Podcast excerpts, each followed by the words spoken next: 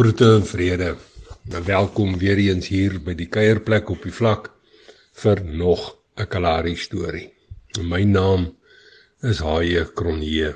Vanmiddag lees ons weer uit die Afrikaanse 2020 vertaling en meer spesifiek Romeine 2 se 10de versie. En dit sê: Maar heerlikheid, eer en vrede wag vir elkeen wat die goeie doen. Eerstens vir die Jood maar ook vir die Griek. Vanmiddag se storie se naam Feestyd op soetwater. Feestyd is spesiaal, baie spesiaal. Want feestyd is kossigheid vir die mense alle binnegoed. Dis nou die hart, die siel en natuurlik die ingewonde. Met feestyd kry mense goed 'n geleentheid om sorgeloos te lewe. En dan eet en drink ons en ons guggel en ons lag en ons sing selfs asof niemand ons hoor nie. Ons koggel en skers met mekaar en ons dans asof niemand ons sien nie. Maar op soetwater lyk feestyd so klein bietjie anders. 'n Feestyd op soetwater is gewoonlik die laaste Vrydag van die maand wanneer daar geslag word. Gewoonlik word drie slaggoed die Vrydagoggend noukeurig uitgesoek en later die middag geslag een gewoonlik vir die grondeienaar terwyl die res vir sy werknemers verwerk en dan gevries word. Daar hang 'n vrolike opgewondenheid rondom tuisman se styf teen die sandduin staan huisie waar die genade wasstaaning gemaak het. Daar word gegiggel en gelag so tussen al die werksaamhede deur.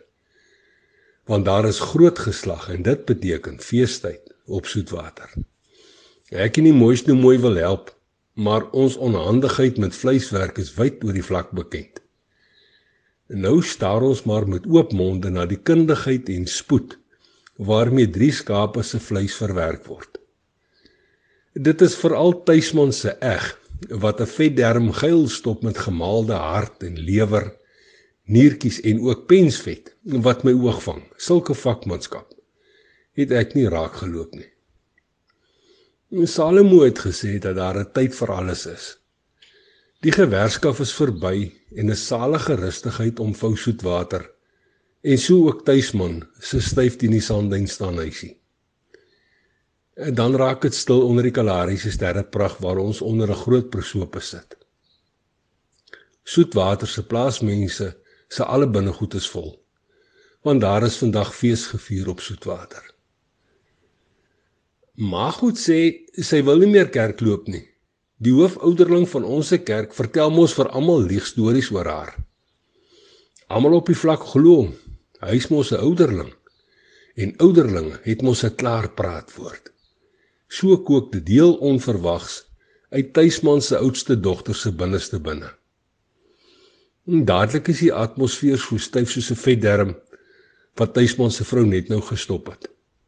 Sy eg wou nog iets sê, maar die trane wat oor haar wange stroom, maak dat sy haar kop laat sak. Oombliklik borrel en kook my binneste binne en ek loop dwarsduin om my emosies te beheer.